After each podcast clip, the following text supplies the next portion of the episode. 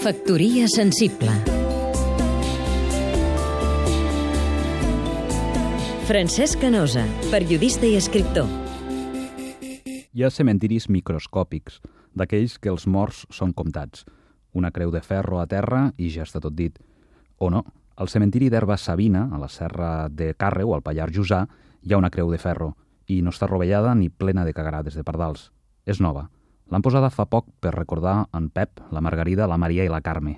La parella de masovers i les seves dos filles de 9 i 14 anys assassinats al 1943 al poble de Càrreu. El crim va quedar impune i el silenci i la por el van enterrar. 70 anys després, l'escriptor Pep Coll ha novel·lat La matança al llibre Dos taüts negres i dos de blancs. La realitat és tan bèstia que necessita les crosses de la ficció per caminar.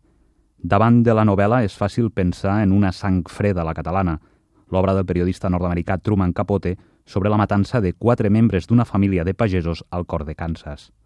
Però mentre als Estats Units tenen els psycho-killers, ja gairebé com a perfils professionals, aquí els nostres crims els atien fantasmes com la guerra civil, les rivalitats ancestrals per un pam de terra o la complicitat del franquisme.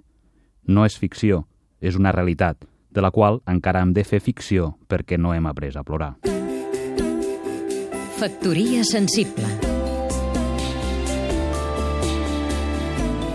Seguim-nos també a catradio.cat